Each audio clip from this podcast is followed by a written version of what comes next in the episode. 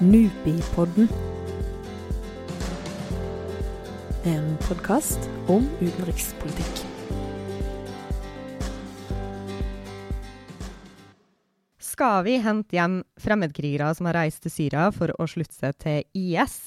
Brukt norske myndigheter for mye penger på å få hjem to drapsdømte nordmenn fra Kongo? Hva skal vi gjøre med Frode Berg-saken? Spørsmål som de her melder seg til stadighet i norsk debatt. Nordmenn havner faktisk ganske ofte i trøbbel i utlandet, men har de i det hele tatt krav på noe hjelp hjemmefra? Mitt navn er Anne Isbrekken, og for å få svar på dette spørsmålet har jeg henta inn NUPI-forskerne Halva Leira og Nina Greger. De to har vært redaktører for den ferske boka 'Duty of Care in International Relations'. Og før vi går i gang Duty of care betyr altså plikt til å beskytte, direkte oversatt. Da vet vi det. Så Halvard, hvis jeg oppfører meg dumt i f.eks. Colombia, og f.eks. prøver å smugle med meg noen kilo kokain tilbake til Norge, hva har jeg egentlig krav på av hjelp fra hjemlandet mitt? Du har ikke krav på så veldig mye hjelp i det hele tatt, men utenriksloven som vi har i Norge spesifiserer at utenrikstjenesten skal eh, hjelpe nordmenn i utlandet hvis de trenger det. I praksis så vil det bety at du kan få hjelp eh, til å komme i kontakt med advokat, Mm. og komme i kontakt med familien din hjemme i Norge. Så kan mer hjelp tilbys, men det er måte grunnforutsetningen. Så egentlig så kan ikke norske myndigheter gjøre så veldig mye for meg. De kan ikke få meg ut, f.eks. Nei, eh, så lenge man er tiltalt for noe straffbart, så er det naturligvis det landet man oppholder seg i som har jurisdiksjon. Så kan man, hvis det foreligger en dom, kan den norske staten gå inn og søke om såkalt soningsoverføring. Det var en av de løsningene som var på bordet for Joshua French før han kom hjem til Norge. var at man sier at ja, i stedet for at han skal sitte i fengsel i Kongo, så kunne han komme tilbake til Norge og sone resten av dommen i Norge. Um, jeg lurer litt på det her duty of care-begrepet. Nina, uh, hvorfor valgte dere egentlig å studere og skrive en bok om akkurat det, og hva, hva betyr det egentlig? Det begrepet betyr er plikt til å beskytte, direkte oversatt. Og det begrepet det har vi brukt som et prisme for å studere det fenomenet som vi snakker om her, nemlig at stadig flere borgere befinner seg utenfor landets grenser. Eh, stadig flere er ute og studerer. Vi har et mer globalt arbeidsmarked. Reisevirksomheten øker. Eh, og i den forbindelse kommer også stadig flere borgere da ut for utfordrende situasjoner. Eh, dette begrepet har egentlig liksom bakgrunn fra si, legevitenskapen, eh, sykepleie, den type områder, og også jussen. Men vi valgte å bruke det for å da studere internasjonale relasjoner og dette fenomenet, som i stort springer ut av globaliseringen. Eh, og er en kjempeutfordring for stater, ikke bare for Norge, men også- for andre stater. Hvorfor er det så stor utfordring? Nei, Det er jo fordi som blitt sagt her, at det er så mange som befinner seg utenfor statens grenser. Og jeg tror veldig mange som reiser ut, aldri tenker på å gi beskjed til norske myndigheter om hvor de er hen. Selv om det jo finnes en egen tjeneste for det eh, på UDs hjemmesider, og også i eh, andre land. Men eh, man reiser på lykke og fromme og regner med at alt går bra. Det er en masse folk som også befinner seg ute og arbeider. Man kan arbeide i risikoutsatte områder. Eh, man kan også komme i eh, situasjoner hvor det skjer en naturkatastrofe. Hvor man da helt uforskyldt havner oppi denne. Og så er det det å få gitt beskjed hjem og, og tenke gjennom hvordan kan man komme seg ut av denne situasjonen. Og da er det mange som tenker at nei, men da ringer jeg til UD, og så ordner de dette. Men, men så enkelt er det jo overhodet ikke. Samtidig har jeg bare lyst til å legge til at det er jo slik at i det landet man befinner seg, så har regjeringen et ansvar for sikkerheten til alle borgere. Så, så f.eks. da vi hadde terrorangrepene i In Amenas i Algerie i 2013, så var det jo ikke slik at Norge bare kunne sende inn eh, enten spesialstyrker eller, eller annet, men dette må avtales med de algeriske myndighetene i det tilfellet da. Og så er det kanskje noen land som har litt bedre infrastruktur og litt bedre på en måte mulighet til å beskytte dem som er på territoriet sitt enn andre også. Absolutt. absolutt. Og, og her er også et annet fenomen som vi har sett eh, i forskningen, nemlig at eh, enkelte land jo ikke vil ha noe særlig hjelp utenfra. Dette blir, går på landets egen anseelse løs. Eh, det så vi bl.a. i eh, Fukushima, da du hadde mm, tsunamien der i 2011. Så var ikke japanske myndigheter veldig interessert i mye hjelp i utgangspunktet, men etter hvert så, så de også behovet for det. Vet vi nå om hvor mange nordmenn som havner i trøbbel i utlandet, egentlig? Vi har tall på litt forskjellige ting. Altså, Avisene gjør jevnlig anslag på hvor mange nordmenn som sitter fengslet i utlandet. og Det dreier seg om et sted mellom 50 og 100 nordmenn. Og det er internasjonalt sett ganske lite. Ser vi på Storbritannia, som har omtrentlig ti ganger så mange innbyggere som Norge, så er det over 2000 briter som sitter fengslet i andre land. Så, men det er viktig å si at det er en ganske liten andel av de nordmennene som trenger hjelp i utlandet, som faktisk har begått forbrytelser. Altså, til sammenligning så dør det rundt 1000 nordmenn i utlandet hvert eneste år. I hovedsak naturligvis pensjonister som dør av naturlige grunner. Men når dette er en utfordring for utenrikstjenesten, så er det viktig å ikke blåse opp for mye de kriminelle. Vet dere noe om hvor mye ressurser vi egentlig bruker på beskyttelsesplikten da, eh, hvert år? Ja, UD anslår selv at de bruker rundt 200 årsverk på konsulære tjenester, eh, hvor dette er inkludert. Men det er uklart om de tallene viser til alt som gjøres, også passutstedelser osv., eller om de bare dekker denne typen aktivitet. Du sier at uh, det er viktig å ikke blåse opp uh, det kriminelle aspektet her for mye, men, men, hva havner vi typisk i trøbbel for, da? Nei, hvis På de kriminalitetsstatistikken så er det en godt og blandet. Det er en del narkotikaforbrytelser, det er noen drap, uh, litt sånn ymist og anna. Det har, vært, har jo vært terrorsiktelser. Det, det er en, et, et, bredt spekter av ting. Men den enkelt, største enkeltposten der er narkotikaforbrytelser. Mm. Ja, hvis man ser på det som ikke handler om forbrytelser, så er det jo f.eks. studenter som trenger bistand. Eh, det kan være både psykisk bistand eller, eller, hjelp til å finne igjen mistet eh, bagasje eller eh, mistet kredittkort osv. Passe. Du har også f.eks. en økende andel nordmenn som bor i utlandet som pensjonister som har krav og behov og spørsmål. Uh, som jo også er noe man må ta hensyn til. Så det er ikke, det er ikke utelukkende de the troublemakers som, som, får hjelp og får oppmerksomhet. Men det er de vi hører mest om i mediene, naturligvis. Ja, selvfølgelig. Mm. Det er kanskje derfor man i hovedsak tenker på nettopp det her med kriminalitet når man hører begrepet også. Men uh, hvordan er det når vi drar utenlands, da? Forventer vi, forventer vi uh, for mye? At vi, at vi, på en måte bare tenker at ja, ja, men jeg har reiseforsikring, jeg, så det går, det går jo bra uansett hva som skjer? Ja, nordmenn har veldig høye forventninger staten. Generelt sett. Nordmenn er veldig statspositive.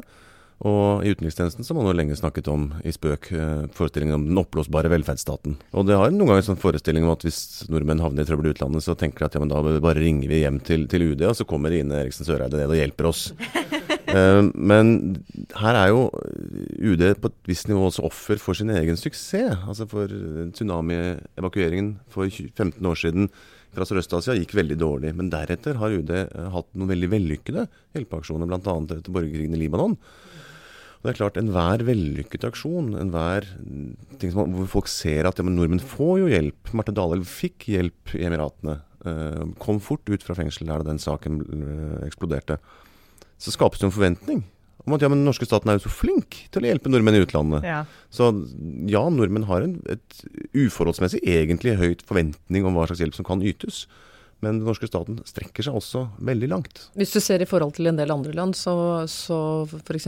Sveits, eh, så det mye, handler det mye mer om at den enkelte må aktivt beholde et forhold til hjemlandet eh, når man flytter utenlands. Og det er ikke noe automatikk å få hjelp. Eh, så det, det handler jo litt om hvordan samfunnskontrakten er da, mellom stat og borger i de ulike land. Så her er det store forskjeller, men som Halvard sier, det er en veldig stor forventning i Norge om at vi skal få hjelp. Og vi har også fått hjelp når vi har vært i utlandet. Altså det ble jo evakuert fra Libanon, som Halvard sier. Både nordmenn og folk som hadde bodd i Norge. Som ikke lenger eh, hadde et si, aktivt forhold til Norge, eller bodde i Norge. Så det er en type eksempel på at det også kan utvide det skal si, nasjonale fellesskapet som beskyttelsesplikten gjelder i. Ja. Libanon-saken er jo også interessant og viser hvor lite norske myndigheter faktisk vet. Men kan vi bare, bare for å um, ta en recap, Libanon-saken. Hva handla den i korte trekk om? Du, det var i 2006. Uh, det var en, en, konflikt hvor Israel uh, gikk inn i Sør-Libanon. Det var i hovedsak en konflikt mellom Hizbollah og, og Israel, men som førte til uh, at ganske mange fremmedlandsborgere ble evakuert. Og Da sa man litt lakonisk i utenrikstjenesten at man evakuerte alle 1000 av de 100 nordmennene som var i Libanon. Kan du forklare det litt nærmere? Nei, det var jo at man hadde Man visste om, fra norsk side, eh, om lag 100 norske statsborgere. Eh, man visste var i Libanon. Og så viste det seg jo også at det var en bråte av nordmenn som aldri hadde sagt fra at de var i Libanon. Og så viste det seg at det var en, en hel haug med folk som hadde norsk pass som man ikke visste hadde norsk pass. Og en del som hadde familie, som gjerne ville ha med familiene sine, og osv. Så, videre, og så, videre. så det endte jo opp med at man evakuerte veldig mange flere enn det man faktisk Ja. trodde man måtte gjøre. Mm. Det viser jo også hvordan dette begrepet beskyttelsesplikt eh, handler om grensene for det nasjonale fellesskapet. At du faktisk evakuerte flere enn de som da hadde et si, aktivt forhold til Norge eller norsk pass. Og det ser vi også i andre situasjoner. Eh, man, vi har f.eks. studert eh, hva, hva, med, hva med de som har hjulpet styrker i utlandet. Vi har et konkret eksempel med Danmark, hvor eh, de afghanske tolkene til de danske styrkene i Afghanistan jo gjerne ville få beskyttelse da Danmark eh, trakk seg ut. Og hvor det var masse diskusjon om hvorvidt de faktisk kunne få dansk statsborgerskap. Og der så vi jo at, eh, at det soldatfellesskapet som hadde oppstått i felten, eh, trumfet det nasjonale fellesskapet, hvor det var de danske veteranene som virkelig argumenterte for at eh, de lokale tolkene skulle få beskyttelse. Vi har også hatt mer analyser av hva med de som arbeider i utlandet, som arbeider da lokalt på ambassader, eh, som også da bistår eh, styrker og andre typer engasjementer i utlandet. Hva med dem? Har de også krav på denne beskyttelsen eller ikke? Og når? Under hvilke betingelser? Eh, men tilbake til boka. Kan ikke du, Nina, dra oss litt igjennom eh, den? Hva, hva skriver dere om? Ja. Eh, nå har vi vært inne på flere av eh, hva skal jeg si, eksemplene her. Eh, det er en bok på ni kapitler eh, med en introduksjon og en konklusjon, som det alltid er eh, på eh, akademiske bøker. Og så har vi ulike caser. Eh, alt fra um, dette med forskere og vitenskapsmenn som gjør feltarbeid eh, i utlandet. Eh, hvem beskytter dem, hva slags krav har de til beskyttelse, hvem registrerer at de er hvor og når. Eh, Det samme gjelder jo journalister, selvfølgelig, som, som er i, i risikoutsatte områder. Um, og så har vi eh, kapitler om pensjonister. Vi har kapitler om Sveits, hvordan den sveitsiske beskyttelsesplikten fungerer annerledes enn det norske. Vi har eh, kapittel om fremmedkrigere, eh, de som reiste til Syria for å slåss, og, og også de som har reist og slåss for eh, de somaliske terrororganisasjonene. Eh, hva skjer med dem når de eventuelt vil hjem, eller familien vil ha dem hjem? Eh, vi har selvfølgelig også mer generelle diskusjoner av dennes kontrakt mellom stat og borger. Eh, hvilke kapitler har jeg glemt av, Halvard? Eh, ingen? Nei? Bra. um, men du, nå, snakka du jo litt om, eh, om dem som reiser til Syria. Og for meg så virker det litt som om folkemeninga jevnt over var mer positiv til at vi skulle gjøre det vi kunne for f.eks. Moland og French, mens folk virker litt mer som at de ikke bryr seg så mye om syriafarerne seiler sin egen sjø. Er det sånn? Det er nok en helt korrekt observasjon. eh, og det er noen ganske klare grunner til det. Kanskje aller, aller viktigste første grunn er jo åpenbart at eh, de som har reist til Syria, har reist seg vervet seg til en, det vi definerer som en terrororganisasjon. og på et vis også erklært seg som fiender av eh, sånn sett også den norske staten og norske verdier. Ved siden av det så er det klart at det er en det vi ser et litt bredere perspektiv. At det, er, det spiller veldig stor rolle for den hjelpen man kan få, om det er noen som mobiliserer for deg hjemme i Norge. Hvis man har sterke grupper, eller ihuga grupper, som mobiliserer, skaper oppmerksomhet, skaper blest om saken, så øker det sannsynligheten for at det kommer et press på den norske staten for å gjøre noe. Det samme ser vi med mediedekning. En nøytral mediedekning, eller aller helst positiv mediedekning, øker sannsynligheten ganske dramatisk for at øh, norske staten øker innsatsen for å få ut, øh, eller, eller hjelpe borgere i utlandet. Og Der har vi jo selvfølgelig den helt nylige problemstillingen med IS-kvinnene og barna deres. Eh, skal barna lide for det deres foreldre har eh, gjort? Eh, og det er veldig komplisert, fordi det er Vi snakker her om terrororganisasjoner, vi snakker, om, vi snakker også om følelser, vi snakker om hvem er innenfor, hvem er utenfor fellesskapet. Og det har jo også vært reist spørsmål om ja, kan Norge på en måte være bekjent av å, å gjenta det vi gjorde med, med tyskerbarna, altså, og de norske tyskgifte kvinnene som, som ble deportert eh, og fratatt sitt pass, deportert til Tyskland, eh, som var totalt utbombet eh, etter krigen. Det er jo ting som har kommet opp de senere år som, og blitt ansett som relativt, om ikke uakseptabelt, så i hvert fall vanskelig. Eh, så det er noe med hva, hvor står vi hen nå? Har vi plikt til å beskytte? Og hvem skal den plikten gjelde for? Til nå så har det vært veldig mye fokus på barna. Men, eh, men igjen, her er det jo en, en avveining da, om du skal eh, ha med mødrene og beskytte barna, eller om man rett og slett skal bare fjerne barna fra deres mødre. Det er mange problemstillinger her som er kompliserte, og som vi ikke har studert i boken, men som er en del av det større bildet av beskyttelsesplikten. Kanskje litt banalt spørsmål, men hvorfor skal vi egentlig bruke masse ressurser på å hjelpe nordmenn som havner i trøbbel i utlandet? Det enkle svaret på det er jo at uh, vi i Norge føler en moralsk forpliktelse. Og Som vi har sett i denne boken, og som vi har nevnt tidligere her, så er det forskjell på hvor sterk forpliktelse forskjellige stater føler overfor sine borgere i utlandet. Den norske staten, eller i Norge, er det ganske tett bånd mellom stat og borger. Uh, stor tillit til staten blant borgerne, uh, og en form for opplevd moralsk forpliktelse. Jeg tror dette går tilbake til sjøfarten og til utvandringen til Nord-Amerika. Hvor man hadde en følelse at vi måtte jo bevare båndene til de som hadde utvandret. Kanskje også med håp om at de kunne komme hjem igjen. Men også at vi hadde en, en, plikt til å ta vare på disse sjømennene som var rundt omkring på verdens hav. Og norske skip gikk jo ned, ikke sant. Og nordmenn havna på fylla i Hamburg eller Cape Town eller hvor det var. altså måtte ta vare på disse menneskene, som jo var en ekstremt viktig del av nasjonen og en viktig del av selvbildet. Eh, som så har blitt videreført deretter med velferdsstaten. Så jeg tror nok Norge er et av de landene som har relativt sett sterkest eh, opplevd moralsk forpliktelse til å hjelpe borgere i utlandet. Dette handler ikke om at den norske staten er juridisk forpliktet til det, men det handler om en, en moralsk forpliktelse, som jo veldig fort også blir politisk. Det ville være veldig vanskelig å være norsk politiker og sitte og si at man ikke skulle hjelpe en norsk kvinne som var voldtatt i utlandet med å komme seg hjem.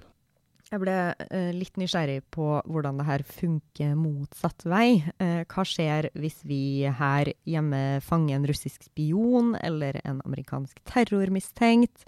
Får de hjelp fra sitt hjemland på samme måte? Ja, alle stater har jo en eller annen form for uh, beskyttelsesplikt overfor sine uh, borgere i utlandet. Uh, og vi har jo hatt i hvert fall diskusjoner i Norge om, om, om, barnevern. Hvor norske myndigheter, barnevernet, har gått inn og grepet inn i familier som er av en annen nasjonalitet. Det har vært polske, russiske, andre familier.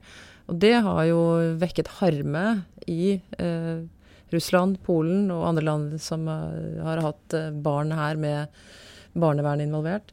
Det er klart at de har på en måte en rett til det. Eh, så her står den opp mot norske myndigheters plikt til å beskytte alle som befinner seg på vårt territorium. Så det er noen dilemmaer her som selvfølgelig må løses på, på diplomatisk nivå, som ikke alltid har vært like enkelt. Når dere nå har gått gjennom alt dette materialet i boka, er det noe dere tenker at norske myndigheter burde gjøre annerledes når det gjelder å beskytte folk som oppholder seg utenfor Norge?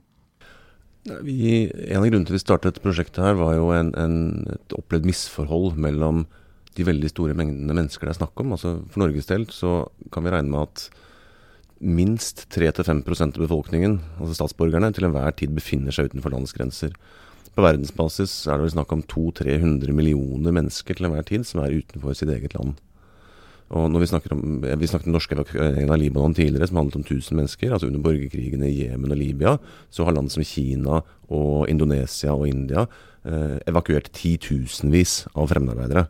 Det er snakk om veldig store tall, og det er veldig forskning, lite forskning på det. Og Vårt håp da vi begynte prosjektet, var at vi skulle på en måte finne noen form for best practices. Er det noen som har knukket koden? Eh, det litt triste svaret er at det er det ikke. Men la meg bare føye til at uh, som ble nevnt tidligere her, at Norge har blitt mye dyktigere på å håndtere kriser utenlands og til å sette krisestab mye mer profesjonalisert enn tidligere. Og noe av forskningen vår viser også at det har oppstått et mye tettere privat-offentlig samarbeid. Eh, F.eks. i eh, angrepene i In Amenas mot Statoils anlegg der så ble det jo et tett samarbeid mellom Statoil og, og statsministerens kontor f.eks. Sånn at det har skjedd mye, og det er uh, mye positivt man kan si om det. Men hvorvidt dette er en såkalt best practice, det er vanskelig å si. Vi kan jo håpe da at etter uh, den lille samtalen her, så er det kanskje flere, noen flere, som uh, går inn på regjeringen sine sider og faktisk registrerer hvor de skal når de skal til utlandet. Tusen takk, Nina og Halvard, for at dere var med i dag. Hvis dere vil høre mer fra Nupipodden, så anbefaler jeg at dere abonnerer på podden på SoundCloud eller i en annen podkast-app. Vi høres.